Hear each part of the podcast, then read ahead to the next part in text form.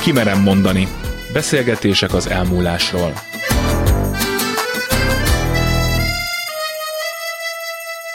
Sugár Ágnes vagyok, köszöntöm Önöket. Legutóbb a közösségben való létezés, a társadalomba való betagozódás során, vagy annak dacára elérhető lelki szabadságunk esélyeit vizsgáltuk. A szélesebb rátekintésből most közelebb lépünk az egyéni lehetőségekhez. A személyes példák persze mindig hordoznak általános érvényű elemeket is, hiszen bizonyos élethelyzetek és feladatok a legtöbbünknél azonosak. Vannak például úgynevezett természetes válságok, olyan periódusok, amikor egy külső-belső változásokkal együtt járó helyzet nyomasztóan, akár krízisként nehezedhet ránk. Ilyen lehet a kisgyerekkorban, a kamaszkorban, az időskorban, és ilyen az életközépi válságnak nevezett életszakasz is, amiről sokan úgy tartják, csak kitaláció, míg mások szerint nagyon is valóságos lelki erőpróba. Majer Máté, család- és párterapeuta. Az életünknek az első felében nagyon sok jól behatárolható, jól megfogható elvárással találkozunk. Tanulj, szerez végzettséget, menjél dolgozni, legyen párkapcsolatod, házasodj meg, vállalj gyereket, telepedj le. Tehát, hogy nagyon sok ilyen ma a normalitásként hivatkozott elvárással találkozunk, a családok részéről, a kisközösségek, a tágabb társadalom részéről, viszont ezek az elvárások ezek elfogynak nagyjából az élet közepére, mert addigra már megvannak a gyerekek, már megvan a társ, mi házasok vagyunk, már lehet, hogy válláson is túl vagyunk, és már második társam, vagy a harmadik, hogy már addigra elértem, vagy éppen, hogy nem értem el dolgokat, de minden esetre nem jönnek új elvárások, illetve ezekhez az elvárásokhoz mindig társulnak ígéretek is. És azt gondolom, hogy ez az életközépi krízis, ez valahogy erről szól. Hogy jönnek hozzám kliensek, hogy hát Máté, hát itt vagyok, mit tudom, 43 évesen, én mindent megcsináltam, amit nekem mondtak. Szereztem diplomát, van több is. Lett, nem tudom, hogy férjem vagy feleségem, lettek gyerekeink, van kutyánk, van házunk, van nem tudom hány kocsink, nem tudom, minden évben elmegyünk nyaralni. Szóval mindent csinálunk, amit kell csinálni ahhoz, hogy boldogok legyünk, és mégse vagyok boldog. Mindenhol megfeleltem, voltak boldog pillanatom, de nem vagyok boldog. Tehát egyrészt erről szól, azt gondolom, az életközépi válság. És akkor, hogy fölmerült, most velem van a baj, igen, Vagy az elvárásokkal. Tulajdonképpen baj. akkor következik ez be, amikor az embernek a legmegelégedettebbnek kéne lennie az életével, hisz elég tudást, elég tapasztalatot összegyűjtött, vannak már sikerélményei, nyilván leküzdött néhány nehézséget is. Ehhez képest nem kiteljesedetnek érzi magát, hanem éppen, hogy hiányérzetekkel küzd. Igen, mert közben az ember előre is tekint. És azt látja, hogy na most itt vagyok még ennyi idősen, most még van erőm. Most még esetleg ambícióm is van mennyi minden kimaradt eddig az életemből. De ha kicsit előre tekintek, akkor látom, hogy öregedni fogok, azért, azért látom, hogy hát, hogy mivel jár az öregedés, és hát az a sok lemondás, a sok veszteség, az a sok betegség, hát nekem az nem kell, és még előtte én szeretnék egyet élni. Hm. Erről is szól ez az életközépi válság. Számot vetek az életemmel, amit addig elértem, ugye mondja Jung, vanok egy mérleget, hogy akkor merre tovább, hogy ez egy értelmes élet volt-e, vagy nem tulajdonképpen ekkor ébredünk rá valódi önmagunkra és a hiányainkra. Eddig értem kifele a társadalom elvárásai szerint, a környezetem elvárása szerint. Most elindulhatok befele végre. Akár így is fölfoghatnánk, bár én gyakorlatban nagyon sokszor nem a befele indulást látom, hanem éppen, hogy kívül keresek olyan dolgokat, amik eddig kimaradtak. Most a standardet mondtam el, de ez attól is nagyon függ, hogy milyen életet éltem eddig. Tehát például, amikor kamasz voltam, lázadtam-e? Mert ha nem, akkor lehet, hogy 40 évesen fogok lázadni, és ez egy picit furábban fog kinézni. Hogy fontos volt-e nekem, hogy sokfajta élményt szerezzek, hogy gyűjtsek élményeket, hogy kipróbáljam magam, hogy megismerjem magam sok helyzetben. Vagy nem? Mert ha nem, akkor most fölmerülhet a hiányérzet, hogy de hát én még mennyi minden nem tapasztaltam meg. Például hozzámentem az első férfihez, aki megkérte a kezemet, és szerelmes voltam belé. Így van. És akkor az jó ötletnek tűnt, meg különben is jó menekülés volt otthonról, mert a szüleim ilyen olyan, amolyanak voltak. Meg olyan felnőtt dolog. Anyává akartam lenni, a jól néz ki, babázni lehet. Csomó Például. pozitívuma van, igen. Például, és kiderült, hogy ez egy fantasztikus, nagyon jó ember itt mellettem, csak éppen nem találom vonzó pacsira. Na, ez, ezek is azért ott vannak a, az életközépi krízisnek nevezett történetben. Nem mindenkinek van, Persze. mert hogy ez attól is függ, hogy ki hogy élt addig meg ki hogy tekint magára, meg az életre, meg a lehetőségeire. És hogy például mélyebb értelmet keresett és talált mert ez is nagyon hiányozhat már ebben az életkorban, hogy nem csak a napi rutin van folyton, hanem valahova vezet ez, valami értelme van ennek, vagy kell, hogy legyen értelme ha annak egy pozitív vab értelmezését akarom nézni, akkor, akkor itt mondjuk lehetőséget kapok arra, hogy na eddig ez az élet, ez szólt mindenféle elvárásoknak valami megfelelésről, na most nem akarok többet megfelelni. Na most én valamit magamért akarok tenni. Olvastam egy olyan hozzáállást is, hogy mint minden, jön és megy, ez is el fog múlni, nyugi. Hányféleképpen múlhat el ez a krízis? Milyen kifutásai lehetnek? Nagyon-nagyon személyfüggő. Tehát van, aki keres egy új hobbit, van, aki keres egy szeretőt, van, aki keres valami függőséget, van, aki, nem tudom, hivatást vált, elmegy tanulni, van, aki gyereket fogad örökbe, vagy házi állatot tart. Van, aki föladja az addigi, egész addig életét, és nem tudom én, elmegy a távol-keletre, a közel-keletre, bárhova valami teljesen más fajta életet élni, mint amit addig élt. Rengetegféle feloldása van ennek, szakemberként melyik út a lelki értelemben egészséges? Hát amelyikkel tartósan együtt tud élni. A függőséget mondjuk biztos nem javasolnám, de az összes többi az egyén élettörténetét megismerve akár lehet értelmes válasz is. Tehát akár egy új élet kezdete is, ami aztán lehet, hogy öt év múlva ugyanott tart? Hát igen, például a bántalmazó kapcsolatból kilép, akkor az nem olyan nagyon rossz dolog vagy mondjuk addig nem tudom, egyedül élt, mert valahogy így alakította a saját életét, és akkor egyszer csak kinyílik és társat választ, és, és azzal egy másfajta életminőséget, akár egy teljesebb életminőséget tud, tud megélni. Tehát mindig az, az az érdekes, hogy az adott személy élettörténetét, illetve élethelyzetét ismerve, meg lelki működését ismerve, neki az ő szempontjából mi az, ami olyasmi, hogy ha azt meglépi, akkor még két év múlva is tud a tükörben nézni. És nincs is a szakembernek ilyen esetben, ha segítséget kérnek tőled, nincs is egy ilyen elképzelés, hogy mi felé lenne jó haladni? Most provokálom ezt a belső utat, uh-huh. az önmegismerés felé hajlás, de ezek szerint ez egyáltalán nem biztos, hogy mindenkinek működik, vagy recept kell, hogy legyen. Azt nehéz megúszni. Mert ha én elmegyek a világ másik végébe élni, akkor ott magamról is megtapasztalok majd dolgokat hogy én ott hogy működök. Tehát annak mindenképpen lesz egy ilyen belső út jellege vonatkozása, és akkor is a szeretőt választok meg, akkor is a új autót veszek. Mindenkinek más mélységben nyilván, de mindenkinek lesz egy ilyen ismereti része is, még akkor is, ha ez nem tudatos. Tehát ez nem megúszható, ezt nem lehet kihagyni. Abban az értelemben próbálok törekedni rá, hogy ne is legyen olyan megoldás, amire azt mondom, na igen, neki akkor ezt kéne választani, mert ez egy alapszabály a terápiákban, hogy, hogy a kliens tudja, hogy ő merre gyógyul, nem mi. Miért biztos, hogy a gyógyulás felé indul, ha választ is a kliens? Nem biztos. Honnan lehet tudni, hogy az nem fogja a gyógyulást felé vinni? Most próbáljunk konkrétumot nézni. Tehát van egy megcsömörlött élet, egy elakadása, uh-huh. ezt már így nem akarja tovább csinálni, uh-huh és akkor mondjuk elmegy buvároktató tanfolyamra Közép-Amerikába. Uh-huh. Mikor rossz és mikor jó egy ilyen választás? Ugye egy ilyen választásnak viszonylag kisebb a súlya. Mert itt semmi olyan nem fog, hát ha csak van baleset, nem éri, tehát semmi olyasmi nem fog történni, amit aztán ne lehetne visszacsinálni. Adott esetben választhat olyat is a személy, amit különben elítélt volna, hogy ezt megtapasztalva rájön, hogy én ezt nem akarom tényleg csinálni és akkor tudatosul benne, hogy oké, okay, akkor innen nézve mégsem most olyan rossz az az élet, és akkor vissza lehet ahhoz térni. Tehát akár egy rossz választás megtapasztalásában is, vagy egy kétséges kimenetelű választás megtapasztalásában támogatja a szakember, a pszichológus, a klienst? Én nem támogatni szoktam, hanem el szoktam mondani, hogy ha ezt választja, abból körülbelül ezek fognak következni. Ha azt választja, akkor meg körülbelül azok fognak következni. Dönts el, melyikkel szeretne együtt élni. Mert hogy ha én úgy csinálnám, ahogy te kérdezed, átvenném a felelősséget a döntése fölött, és akkor valamelyik irányba őt, őt meg akarnám erősíteni. Na de a fölvázolt kifutási lehetőségek is tulajdonképpen már orientálnak, nem? De ott meghagyják a döntési szabadságát. Ez van, ez van, ez van, ez van, vagy ez van, amit ő maga lát, ezekből tud most választani, hogy melyiket fogja, az teljesen rá van bízva írjunk akkor egy forgatókönyvet. 45 éves, három gyermekes apa, uh-huh.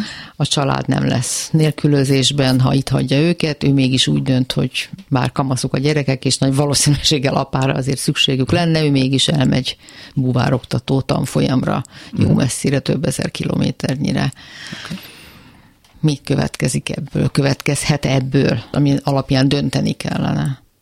Hát ugye kérdés, hogy neki ez az egész búvároktatóság hogy jött. Tehát mondjuk ez egy gyerekkori vágya? Például. Mondjuk azt, hogy mindig csodálta, imádta ezeket a filmeket.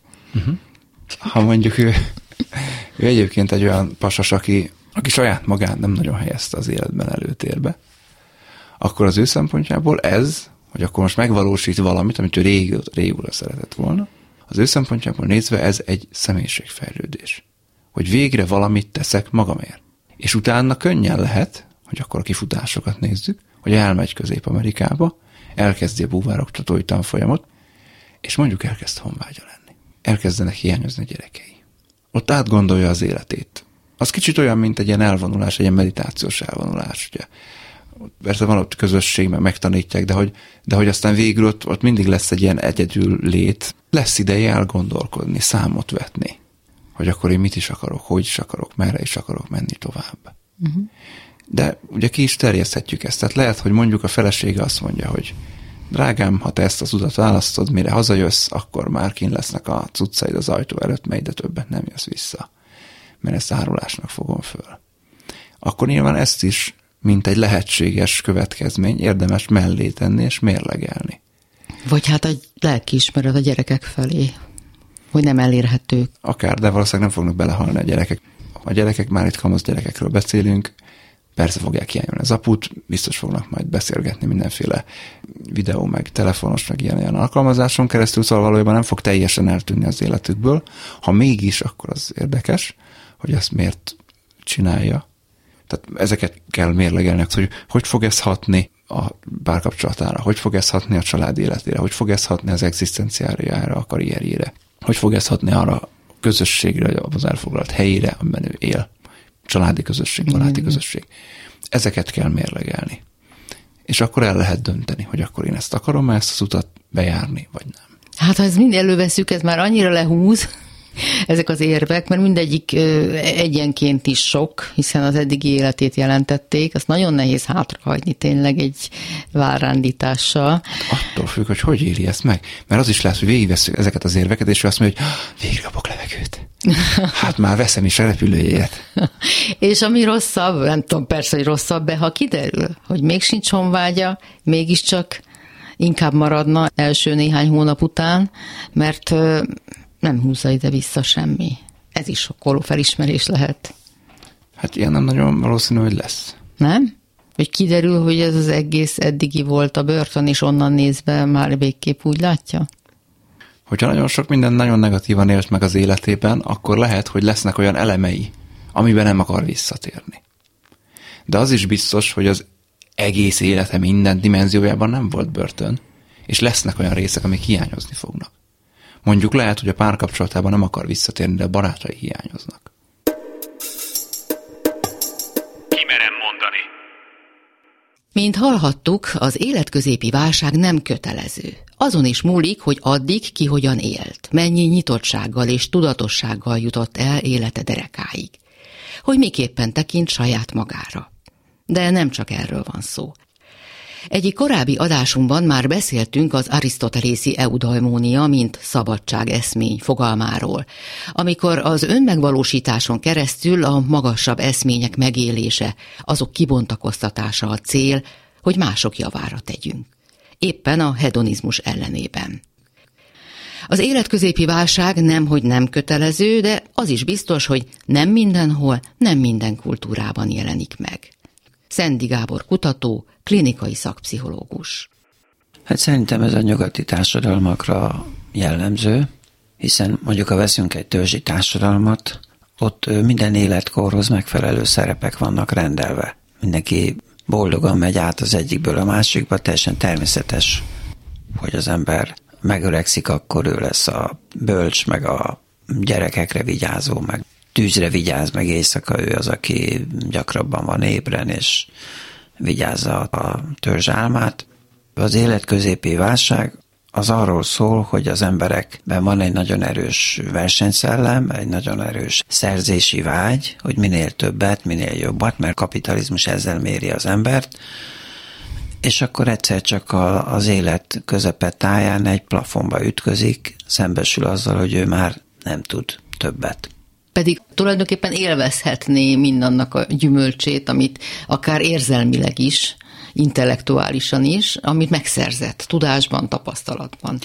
Hát addig se eudaimonikus célok hajtották, hajtják az emberek többségét, ugyanis akit az eudaimonia mozgat, annak nincsen életközépi válsága. Az tulajdonképpen azt éli meg, hogy az élete során folyamatosan, ahogy bontakozik ki, változik az érdeklődése, elkezd mással foglalkozni, maximum mini válságok vannak, amikor éppen valami véget ért, és akkor keresi. Most játszunk el a gondolattal, menjünk vissza a reneszánszba, amikor valóban elindult ez a fajta önmagunkra figyelés, önmagunk kiteljesedésének igénye, önmagunk megtapasztalásának az igénye, a tudomány, a tények ismerete, piedesztára állítása. Hogyan lehetett volna ezt kiteljesíteni úgy, hogy közben megmaradjunk a lelkünk gazdagságánál is? Nem lehetséges. Nem? Nem. Hát ha megnézzük a görögöket, az ókori görögöket, ott is pontosan tudjuk, hogy az a fajta eudaimonikus törekvés, ami nyilván ott se mindenkire volt jellemző, de tulajdonképpen mindenkinek megvolt a lehetősége rá, pont azért, mert rabszolgaság volt. Tehát ha valaki termel, az igazi kibontakozásnak azért mindig feltétele az, hogy anyagilag az ember rendben legyen. Kétségtelen, hogy vannak éhező művészek, tehát a szellem szabad tud lenni akkor is, hogyha a test nyomorog, de ugyanakkor az mégiscsak egy kényszerpálya. Ezért sok ilyen arisztokratát ismerünk, akik gazdagok voltak, és ezért megengedhették maguknak, hogy tudósok legyenek, a tudományjal foglalkozzanak. Ez neki passzió volt, nagyon sok gazdag ember meg csak vadászgatott, meg szeretőket tartott, meg kártyázott. Hát Mendelssohn családdal kapcsolatban van a fáma, hogy ott kicsi gyerekkoruk óta a gyerekeket olyan szigorban tartották, olyan fegyelem és renduralkodott, hogy hiába voltak nagyon gazdagok, hajnali ötkor kelés, külön órák, külön tanárok, zeneszerzés, tanulás.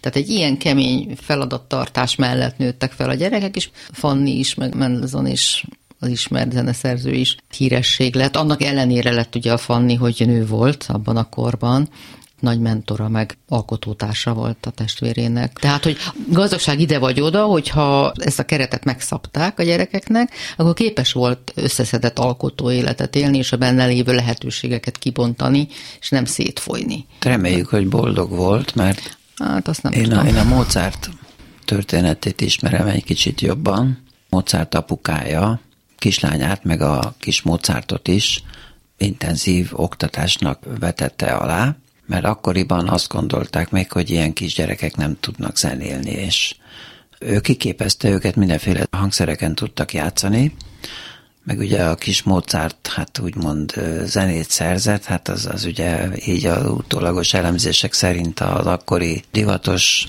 zeneszámoknak az utánérzései voltak, meg apuka kezenyomát fölfedezték a kottákban, tehát ezek nem eredeti művek voltak, de most nem is akarnám azért lekicsinyíteni, mert, mert mégiscsak azért gyerek létére nagy dolog volt, hogy egyáltalán zeneszerzésre adta a fejét, vagy hát apukája adta az, adta ő, az fejét. ő fejét.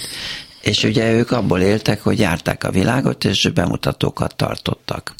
És Mozart soha életében nem írt úgy zeneművet, hogy ne megrendelték volna.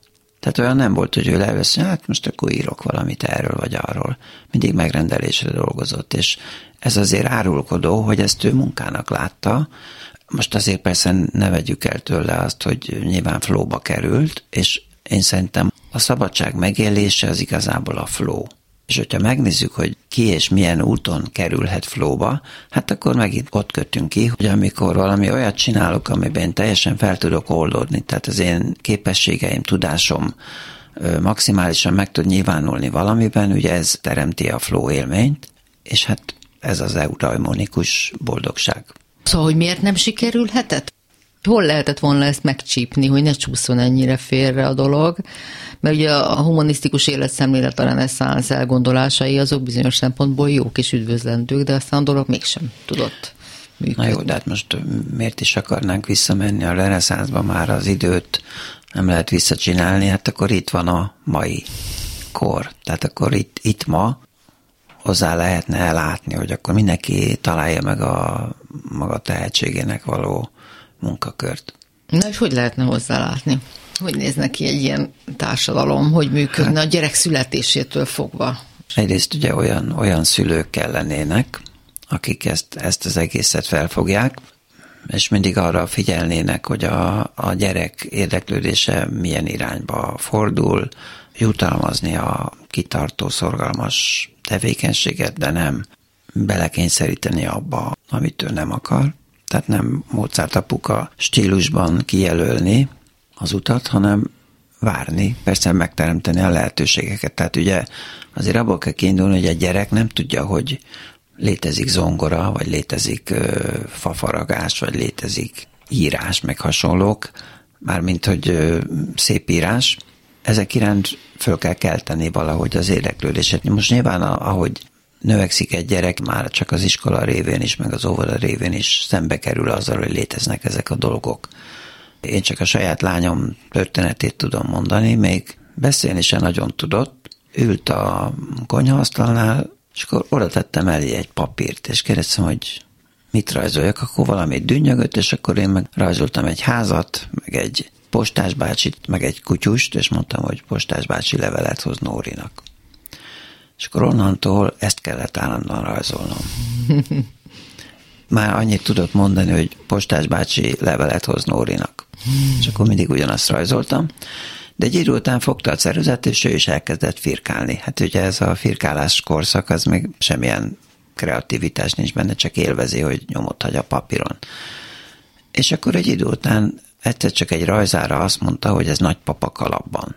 Hát nem nagyon lehetett felfedezni, hogy de már a szándék megjelent, az ábrázolási szándék, és aztán egy rajztehetség lett belőle, folyamatosan rajzolt, és akkor a következő lépés az volt, ugye mindig olvastuk neki a mesét. Egyszer csak kivette a kezünkből a könyvet, hogy most ő mesél, hát még nem tudott olvasni, és akkor ugye úgy csinált, mintha onnan olvasni, és elkezdett történeteket mondani. Akkor oda tettem egy magnót, hogy fölveszem, és kérdezte, ez micsoda? Mondtam, hát fölveszem. Hú, hát akkor visszahallgatta, nagyon tetszett neki a saját hangja, meg hogy ő történeteket mesél, és akkor onnantól már ő követelte, hogy akkor ott legyen a magnó, és ő magnóra mondott történeteket, és így tulajdonképpen kialakult egy történetmesélési készsége. A nagymamának ajándékba a meséket mondott a magnóra, és akkor vittük a kazettát, és átadtuk és közben meg rajzolt. Tehát akkor az lett, hogy füzetekbe rajzos történeteket rajzolt. Aztán később írta is a történeteket. Például, hogy, hogy lehetett őt bátorítani, egyébként nagyon félénk gyerek volt. Elkezdtük a rajzait bekeretezni, és kitettük a lakásba. A mai napig kint vannak. Azt gondoltuk a feleségemmel, hogy, hogy ezzel nő az önbizalma. Tehát, hogyha látja, hogy, hogy ez egy műalkotás, amit ő rajzol, és akkor jöttek a barátok, és akkor megcsodálták, és aztán az iskolában is felfigyeltek a rajzkészségére, volt, hogy ilyen színezőket rajzoltattak vele, lefénymásolták, és akkor az osztályban azt színezték a gyerekek. A rajztanár rendszeresen kerületi rajzversenyre benevezte őt a tudtunkon kívül, és akkor rendszeresen nyert, és akkor mindig mentünk a díjátadókra. Na és mi a happy end? Mi van ma Nórival? Regényíró. Nem ő illusztrálja a regényeit? De. Kimerem mondani. Erik Erikson, 20. századi analitikus, fejlődés pszichológus szerint az életünk során felmerülő bizonyos kríziseket nem szabad összetéveszteni a traumákkal. Az egyes életszakaszaink ugyanis természetes módon hordoznak feladatokat, kihívásokat. Ezek megoldása pedig nélkülözhetetlen a következő fejlődési szakaszba való átlépéshez. Vagyis ezek a krízisek a fejlődést jelentik. Már ha sikeresen megoldottuk azokat. Tarbence László, filozófus, kulturális antropológus az életközépi válságról.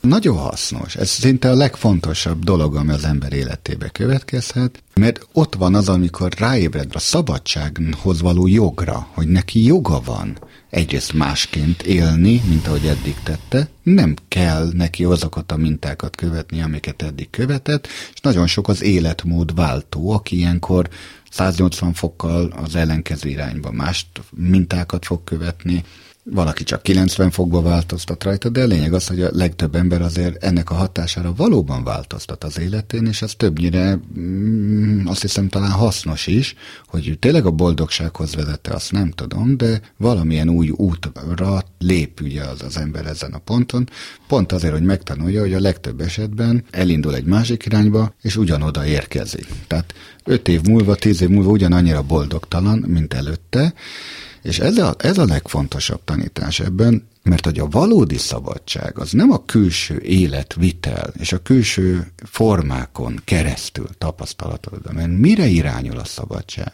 És a mai ember esetében az igazi filozófiai és spirituális krízist az okozza, hogy fogalma sincs, hogy ez a szabadság mire kéne, hogy irányuljon csak a kötelezettségektől való mentességet látja ebbe mindenki, hogy ne kelljen nekem akkor mit a gyerekeimmel törődnöm, az eddigi párkapcsolatommal, az eddigi munkahelyem, tehát ez a mindentől való úgymond szabadulás.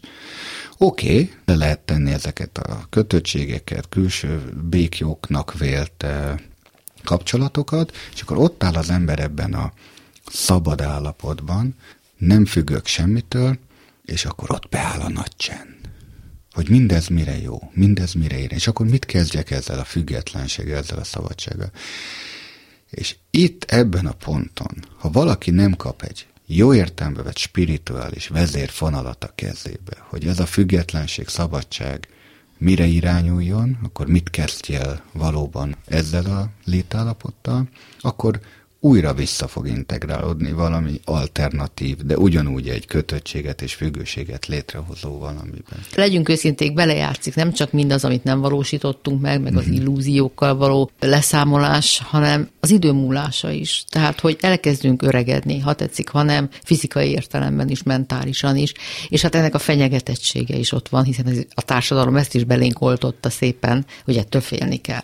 Lehet, hogy én vagyok csak jó értelme vett alternatívokkal és lázadókkal körbevéve, de a legtöbb ilyen ember, aki erre a krízisre mégiscsak nyíltan és őszintén rá tud eszmélni, és nem elhazudja meg eltitkolja, hanem nyíltan fölmeri vállalni, hogy már pedig igen, az európai kényelmi társadalomnak a mintáit követtem eddig, és nagyon szófogadó módon a minta követésnek a rabságában éltem, és hogy miért nem azt tettem, amit én igazán akartam, és nagyon sokan merik azért megtenni, hogy újra visszatérjenek ahhoz az ösztönös, zsigeri, gyermeki énjükhöz és én állapotokhoz. Mondhatjuk, hogy ez egy infantilis hozzáállás, de ennek a legnemesebb értelmében, hogy újra gyermekekké válnak, és a második gyerekkorukat élik meg, ezek a felnőttek, már 40-es, 50-es éveikben, és csupa olyan gyermekes dolgot valósítanak meg, amit nem tudom én 20 évig tiltottak magukban, mert úgy gondolták, hogy ez társadalmilag nem elfogadott, vagy nem ezt kell csinálni, és ezeket a gyerekes vágyaikat élik újra ki. Ez hihetetlen felszabadító erejű. Ez a valódi boldogsághoz vezető lépésnek az első lépcsője, vagy talán már másodiknak is mondanám, ahol azokat a vágyakat, amiket gyerekként nem tudott kiélni valaki, most már egy életközepi szakaszban, ahol megvan úgymond a felnőttség, hogy a döntésképesség, hogy ő ezt fölvállalja, ki tudja élni. Ebben a második gyerekkorban ezt hagyni kell. Tehát ezt letiltani magadnak, vagy egy másik embernek a legnagyobb ostobaság lenne. Ez akkor múlik el, ha kiélheti valaki. De élje ki, menj el operaénekesnek, falfestőnek, sziklamászónak, szörfözzél, biciklizzél, építsél legót, nem tudom én, mindazt, ami gyerekkorodban vágytál, vegyél magadnak egy gitárt, énekelj, zenekarba, stb. Semmit nem fogsz veszteni, és ez az érdekes, hogy ilyenkor jönnek rá az emberek arra, hogy te jó ég, ezt miért nem mertem csinálni 20 évesen? Miért gondoltam én azt, hogy nem tudom, nekem a munkavilágába kell helytállnom, vagy vagy nem tudom, hogy társadalmilag magasabb rangú, vagy jobban elfogadott szerepeket kell játszanom, és ez valóban elmúlik, ez a második gyerekkor. És akkor jön ez az üresség megint, hogy de jó, most már kiírtam a világi szerepekben azokat a szerepeket, amiket eddig tiltottak nekem, és mindig is tetoválni akartam magamat, de nem volt hozzá bátorságom. Most már fölvaradtam, nem tudom én, a kedvenc tetoválásomat. Na és most hogyan tovább? A spiritualitáshoz térjünk vissza. Mit Igen. értesz? Milyen formái lehetségesek a spirituális érintettségnek? A legelső és legfontosabb, amit mi a spirituális szó alatt értünk, az valóban az a ön meghaladásnak a küszöbe, amikor valaki végre rájön arra, hogy a világban az önmegvalósítás az nem csak ennek az egónak a végtelen vágykielégítéséről szól.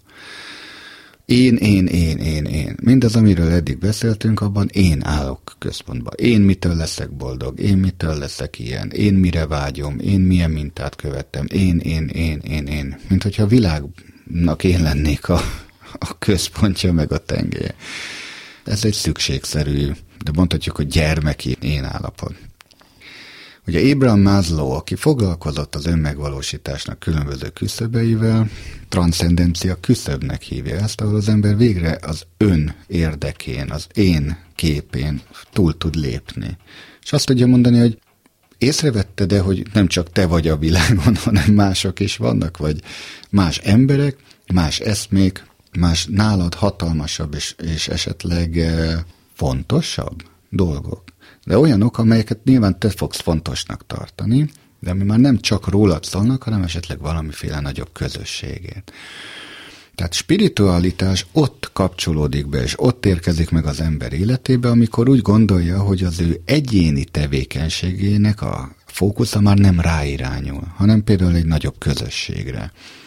Ilyenkor lesznek az emberek, és kezdenek el valamiféle közösségi munkát, szociális munkát, olyan célt keresnek az életükben, hogy nagyobb társadalmi hasznosságot tükröz. Tehát segíteni esetleg az elesetteknek, a gyengébbeknek, de nem szükségszerű, hogy mindig az elesettekkel és a gyengékkel kell foglalkozni, csak az, hogy valami, ami egy nagyobb célt és eszmét szolgál. És itt jön az, hogy esetleg nyitottá válni, hogy egyáltalán milyen eszmék vannak, mit lehetne szolgálni. Egyébként vannak, akik nagyon fiatalon ezt a transzcendencia küszöbet átlépik, belük lesznek az aktivisták, mert bennük még ott van a forradalmi lelkület és a hevület a fiatalsággal. Ez borzasztó hasznos. Amikor valaki rájön arra, hogy ugye ez nem csak önmagáért van, hanem ez egy nagyobb jónak a szolgálatában, ez mindig spirituális indítatás. De végső soron mi a legnagyobb eszme, ami ugye mondhatjuk, hogy egyetemesen minden spirituális indítatásnak a, a végén kellene, hogy legyen, az a lelki békének a megtalálása. Most ugrottam sok lépcsőt persze át, de rögtön ide a végére érve a történetnek. Az embernél önmegvalósításnak a végső célja az a fajta belső béke és boldogság érzet, amikor valaki úgy érzi, hogy az élete önmagán túlmutató módon valamiféle értelmet hordoz. Hogy volt értelme az életének, és ez az értelem nem csak arra irányult, hogy önmagát valamilyen szerepben, valamilyen cél elérésben mondjuk kibontakoztassa, hanem túl tudott lépni önmaga jelentőségén, és önmagánál valami nagyobb hordejű, nagyobb értékű dolgot valósított meg. Nem kell itt a nagy regényre, vagy valamilyen nagy társadalomformáló szerepre gondolni. Nem kell valami olyasmire, amit az egész világ ismer és értesül róla, nyilván. Nyilván, nyilván. Bár hozzáteszem, hogy azért az egész meseirodalom, az egész összes mitológia világon semmi másról nem szól, mint ennek az ugye egyetemes hősnek a mitoszáról, a Joseph Campbell nevezi a maga összegyűjtött könyvének címében, hogy az ezer arcú hős, ha megnézzük bármelyik mesehősnek a történetét, bármelyik mitológiai alaknak a, a mítoszát, mindig arról van szó, hogy az az ember valami olyat tudott tenni, aminek mégis volt valamiféle világ megváltó hatása, még ha ez csak a közvetlen mikrokörnyezetére tett hatás is volt, de nem azért vált ő hősé, mert ő magát megmentette, hanem valami olyan hatást gyakorolt a környezetére, ami mindenki javát szolgálta. Na, ezt megtalálni, ez nem kell, hogy világ megváltó legyen valóban. De mi az a dolog, amivel te a közvetlen környezetedet jobbá tudod tenni? Foglalkoztam tanatológiával, azzal, hogy az emberek haláluk óráján, pillanatában mit élnek meg, és nagyon sok kutatást olvastam, ami azzal foglalkozik, hogy haldoklókat megkérdeznek, hogy értékeljék a saját életüket, hogy mégis mit tartanak a legfontosabbnak itt haláluk óráján, mit visznek magukkal az életbe. És hát talán nem is meglepő, hogy soha senkinek eszébe nem jutott azt mondani, hogy hát a Rolex órámat úgy szerettem egész életemben, vagy milyen jó volt a 60 milliós Mercedesbe üldögélni, vagy én nem tudom, én bármilyen anyagi javat felsoroltak volna, nem csak drága vagy egyszerű dolgokat. Az egyetlen dolog, amit értékként az emberek ilyenkor fel tudnak sorolni, ez az emberi kapcsolatok minősége, amit másokkal megéltek hogy hány barátja volt valakinek, hogy, hogy hány őszinte beszélgetése volt másokkal, hogy volt-e bárki, akinek ő tudott, és úgy érzi, hogy valóban hatható segítséget nyújtani az élet akár legapróbb dolgaiban. Hogy mennyi szeretetet adott, és ő mennyi szeretetet kapott másoktól. Tehát csak az emberi kapcsolatok az egyetlen érték, amit az emberek innen elvisznek, soha senkinek eszébe nem jutott bármilyen vagyontárgyról, materiális javakról, pont azokról a dolgokról beszélni, amit most a fogyasztói társadalom, hogy visszakanyarunk ide, ezer csatornán át sugároz neked, hogy szerez, szerez, szerez, vásárolj, birtokolj, halmoz fel. Teljesen értéktelen az emberi élet végén. Maradunk itt, az önmagunk személyes fizikai létezésén túlmutató lelki, szellemi értelemben véve sikeres, teljes élet megteremtésének lehetőségénél. A buddhizmusról már tudjuk, hogy szól azokhoz, akik saját személyes boldogulásukra, jobb életminőségre törekszenek. De szól azokhoz is, akik másokat is szeretnének hozzásegíteni a lelki értelemben vett elégtelenségtől, az elégedetlenségtől való megszabaduláshoz. Ezt hívják bótiszatva eszménynek. Hogy mit jelent pontosan, erről is beszélgettünk Komár Lajos buddhista tanítóval. A szellemi utunkon minden eredményt arra használunk fel, hogy minden lény javára tudjuk azt alkalmazni, segíteni magunkat is, és mást is. Tehát a bodhisattva azt tűzi ki célul, hogy nem csak ő maga, hanem mindenkivel megosztva a tudást, a képességet felajánlja a világ minden lénye javára. Ez nem jelent térítést, pláne nem, nem erőszakos aki kéri. térítést. Általában így működik, hogy, hogy kérni kell a tanítást. Uh-huh. Tehát nem feltétlenül derül ki mondjuk a munkahelyen, hogy valaki bódiszatva fogadalmat tett és buddhista gyakorló, vagy ha ki is derül, ezen túl nem történik más, mint egy kellemes beszélgetés a munkatársakkal, és amíg nem kérik, hogy esetleg segítsen, vagy fejtse ki a tanítást, addig nem fogja megtenni. De segíteni azon túl is tud, anélkül, hogy anélkül is tud, persze, beszélne. Nyilván. Persze, és segít is, anélkül, hogy tudná a környezete, hogy ő amúgy segítő szándékkal és odafigyeléssel van a környezete iránt, természetesen. A bodhisattva eszmény már nem minden buddhista csoportra jellemző életvitel.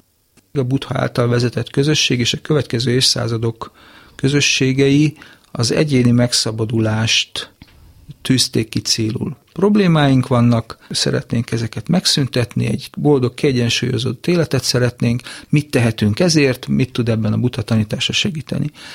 Igen ám, de hát mindig volt olyan ember, aki azt mondja, hogy jó, jó, hát én most rendben vagyok, rendben lettem, de mi van a többiekkel? És lehet, hogy ez nagyobb mozgatórugó az egyénnek, hogy másokon segíteni, mint saját magám. Még ez is előfordulhat, hogy magamért lehet, hogy nem mozdulnék meg, de a gyerekemért, a nagypapámért, a szomszédért szívesen áldozom időmet, energiáimat, ahhoz viszont képeznem kell magamat, járnom kell a buthai utat, hogy neki tudjak segíteni, és mellesleg én is fejlődök. És hogy nem lesz ebből kényszeres segíteni akarás, mindenáron megmenteni akarás, mert ilyen is van, aki mindig meg akarja menteni a környezetében élőket. Túlzásokban szoktunk esni, még az egyéni megszabadulás érdekében is néha előrébb való a saját megvan megmentése, az önzőségre és a részlehajlásra sajnos hajlamosak vagyunk. Hát minden hamarabb veszük észre, annál hamarabb zökkenünk vissza a helyes kerékvágásba, Sajnos ezt meg kell tanulni elnézni, hogyha a környezetünkben nehézségek vannak, szenvedés van, problémák vannak, és nem akarják, hogy segítsünk, pedig tudnánk. Uh-huh. Ezt meg kell tanulni, elviselni, hogy nekünk fáj, hogy szenvedni látjuk, nekünk is fáj, hogy ott gond lesz, mi már tudjuk, ő még nem, de nem akar változtatni. El kell tudjuk viselni. Nekem például, ha ilyet látok, nehezemre esik, de többet ártok vele, hogyha én ott erősködök és próbálok beavatkozni. Erre is volt példa természetesen. Hát igen, erre mondják, hogy akarata ellenére senkit nem lehet megmenteni. Így van, így van. Hát a, a bodhisattva ideál, ugye még egyszer, hogy mindenki, minden lény, minden érző lény érdekében gyakorlunk, követjük a, a tanítást, amit tudunk, azt megosztjuk, átadjuk másoknak, segítünk másokat vele. És ebben van, van egy ajánlás, hat gyakorlatot tartanak ide fontosnak, ezeket a páramitáknak hívják, ugye valami fajta túlpartra juttató, vagy személyiséget fejlesztő, tökéletesítő gyakorlatként is felfogható. A túlpartra az mit jelent? Túlpartra ugye innen, ebből a hétköznapi, számunkra nem kielégítő, helyenként szenvedést okozó sivár létből, ahonnan szeretnénk valami szebb jövőbe, egy tartós, békés tudatállapotba kerülni, az a túlsó part ebben a pillanatban nekünk, és a kettő között örvénylik az, amit életnek hívunk, és, és át kell, hogy valahogy verekedjük magunkat, és a tanítás a tutaj, ami átsegít ebből a létből, ebből a nem kielégítő életvitelből abba a kívánatos másikba. Vagyis a túlpart ebben az életben is megadathat. Igazából nem időben és térben van távol, az a bizonyos kívánatos állapot, hanem egy szemlélet kérdése hogy éppen hol vagyunk, mindenki éljük meg ezt a szituációt, hogy érezzük magunkat. Ha tudunk váltani, hogy nem is olyan szörnyű, ami van, sőt, lehet, hogy félreértettünk valamit, akkor nagyon gyorsan eljuthatunk arra a bizonyos túlpartra. Na és erre van hagy gyakorlat. Első az adás, adakozás, nagy lelkűség, bőkezőség, talán így lehetne mondani, tehát a másokra való odafigyelés, itt nem csak a materiális javakról, főleg nem arról van szó, hanem az odafigyelés, a mások segítség, a figyelmünket adjuk oda, és ennek megfelelően próbáljuk megérteni a másikat. Tehát valamiféle odafordulás, segítő szándék, amit, amit kinyilvánítunk, ezt nevezhetjük adakozásnak. A második gyakorlatunk az az erényes viselkedés, hát sokat beszéltünk erről, ez az a bizonyos öt fogadalom, ami mind a hétköznapi életünkben, mind a szellemi utunkon megtart, segít, támogat. A harmadik a türelem gyakorlása, ugye elviselni az elviselhetetlent, és türelmesnek lenni magunkkal is, hiszen hát mi is majd csetlünk, botlunk a szellemi utunkon, mint ahogy mások is. Segítenénk mi őket, meg magyarázzuk, csak nem értik. Hát tudomásul kell venni, hogy nekik több idejűre van szükségük befogadni, és nekünk is több, hogy megértsünk másokat. Lehet, hogy több időre van szükségünk, mint amíg eddig gondoltunk. A negyedik az erőfeszítés. Tehát, hogy megtalálni azt a energiacsomagot, amit tudunk alkalmazni, amikor elfáradunk, hitehagyottá válunk akár, és a kitartást, hogy folytassuk ezt a fáradtságos és hát áldozatokkal teli tevékenységet. Az ötödik maga a gyakorlat, ugye, amit most nevezünk meditációnak, hogy azért néha meg kell pihenni, és végig kell gondolni, hogy hol vagyok, mit csinálok, jól értelmezem a helyzetet, jól tűztem ki a feladatokat, és ennek milyen következményei vannak rám nézve, másokra nézve, mit csinálok. Tehát ezt azért érdemes újra és újra végig gondolni, és ha mindezt megfelelően tesszük, akkor a hatodik az már nem is igazán gyakorlat, hanem ennek az ötnek a betetőződése, ez a bölcsesség. Ezen öt gyakorlat hatására felkél az a bölcsesség, az a belátás, az az intuíció, az a beleérzés, amikor lehet, hogy nem tudjuk, de érezzük, hogy mit kell tegyünk, hogy érti a másik, mire lenne szüksége, apró jelekből, nem feltétlenül gesztusokból, hangulatokat megérzünk, és akkor ez visszaigazolja, hogy azt tettük, amire szükség van, jól értettük, hogyan tudnánk tovább támogatólag fellépni? Önmagunk és mások felé, tehát mindenki felé, Nem csak kifelé fordulásról van itt szó, tehát a bódiszatva nem másoknak segít, hanem mindenkinek. Ez fontos. egy fontos dolog, tehát ne felejtsük el magunkat azért, hanem mindenkire legyünk tekintettel.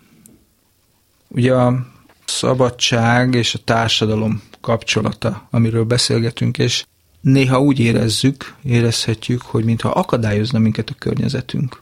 Mondok néhány példát, hogy jó lenne, ha, de nem tudom megtenni, mert nem akarja a környezetem, sőt, inkább ellene van annak az elképzelésnek. Vagy látom, hogy szándékosan felelős vezetőink például szándékosan, részrehajlóan döntenek és befolyásolnak, és azt gondolom, hogy büntetést érdemelnének. Ugye? Az igazság érzete felkél az embernek, aztán lehet az, hogy tehetetlennek érzem magam egy adott élethelyzetben, és nem tudok mit tenni, lehet, hogy kivonulni se, ugye például a saját családomból nem feltétlenül tudok arrébb menni, aztán aggodalommal tölt el, hogy mi lesz ennek a következménye, ugye a negyedik példa, és ez az aggodalom maga alá teper.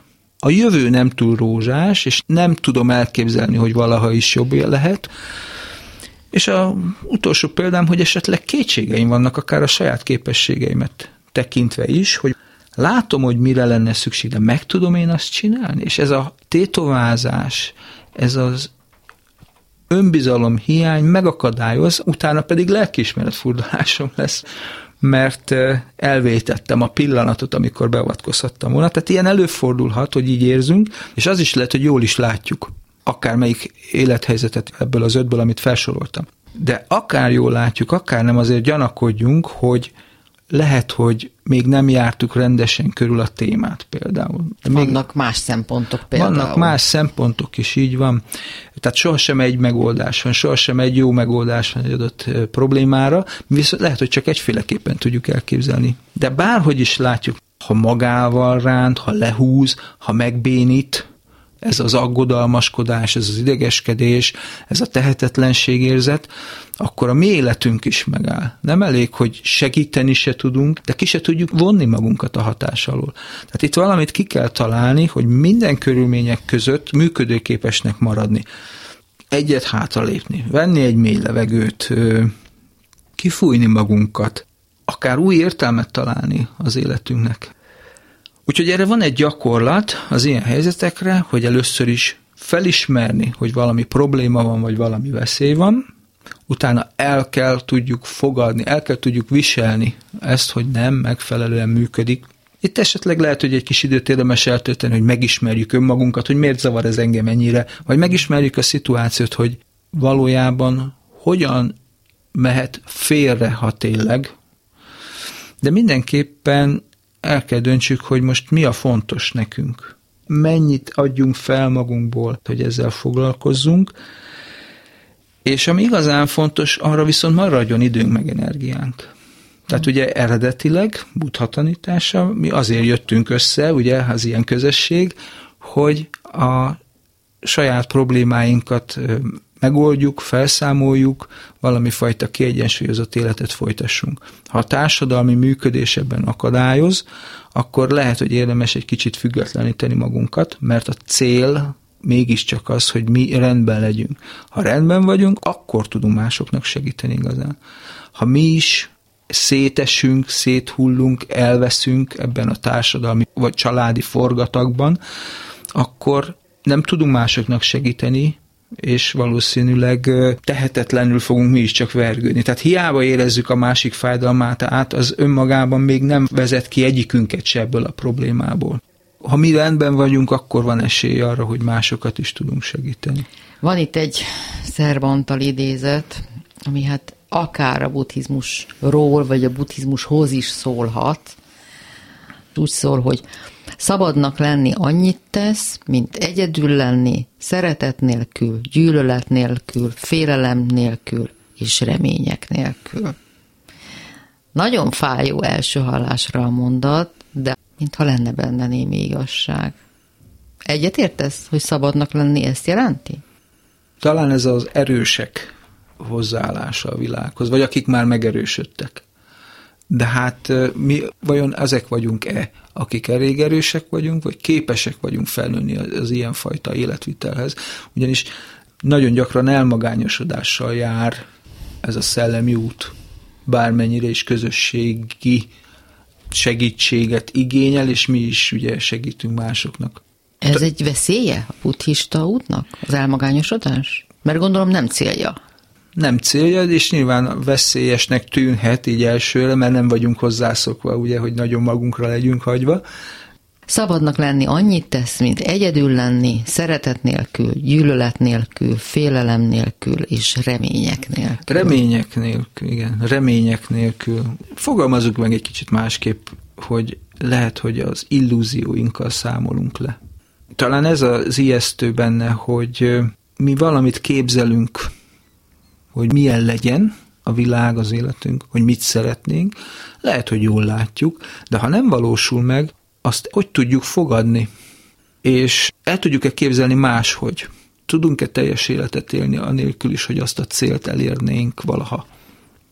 Megvan az a rugalmasságunk, megvan az a képességünk, hogy bármikor, bármelyik pillanatban boldogok tudunk lenni igazából. Sajnos arra is hajlamosak vagyunk, hogy bármelyik pillanatban el tudjunk komorodni, mert ha keresünk, találunk rá okot, hogy mi az, ami feldob, és mi az, ami letör, de akkor a körülményektől függ, hogyha okokat találunk, és arra mutatunk, tudunk ettől függetlenül is bármikor felvidulni, akár ha szeretnénk, és csak kipróbálni elszomorodni.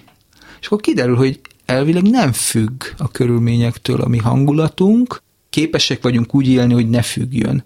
És akkor már nincs is szükségünk bizonyos körülményekre, ugye, hogy megfelelő módon kiegyensúlyozottan éljünk, hanem a kapcsológomban mi kezünkbe kerül. A cél nem a elmagányosodás vagy a magányos élet, hanem hogy képesek leszünk egyedül is mondhatni magányosan, jól érezni magunkat. Köszönöm, hogy ma is velünk voltak. A jövő héten ismét találkozhatunk. Munkatársaim Csorba László és Bíró Kristóf nevében is búcsúzom, Sugár Ágnest hallották. Kimerem mondani.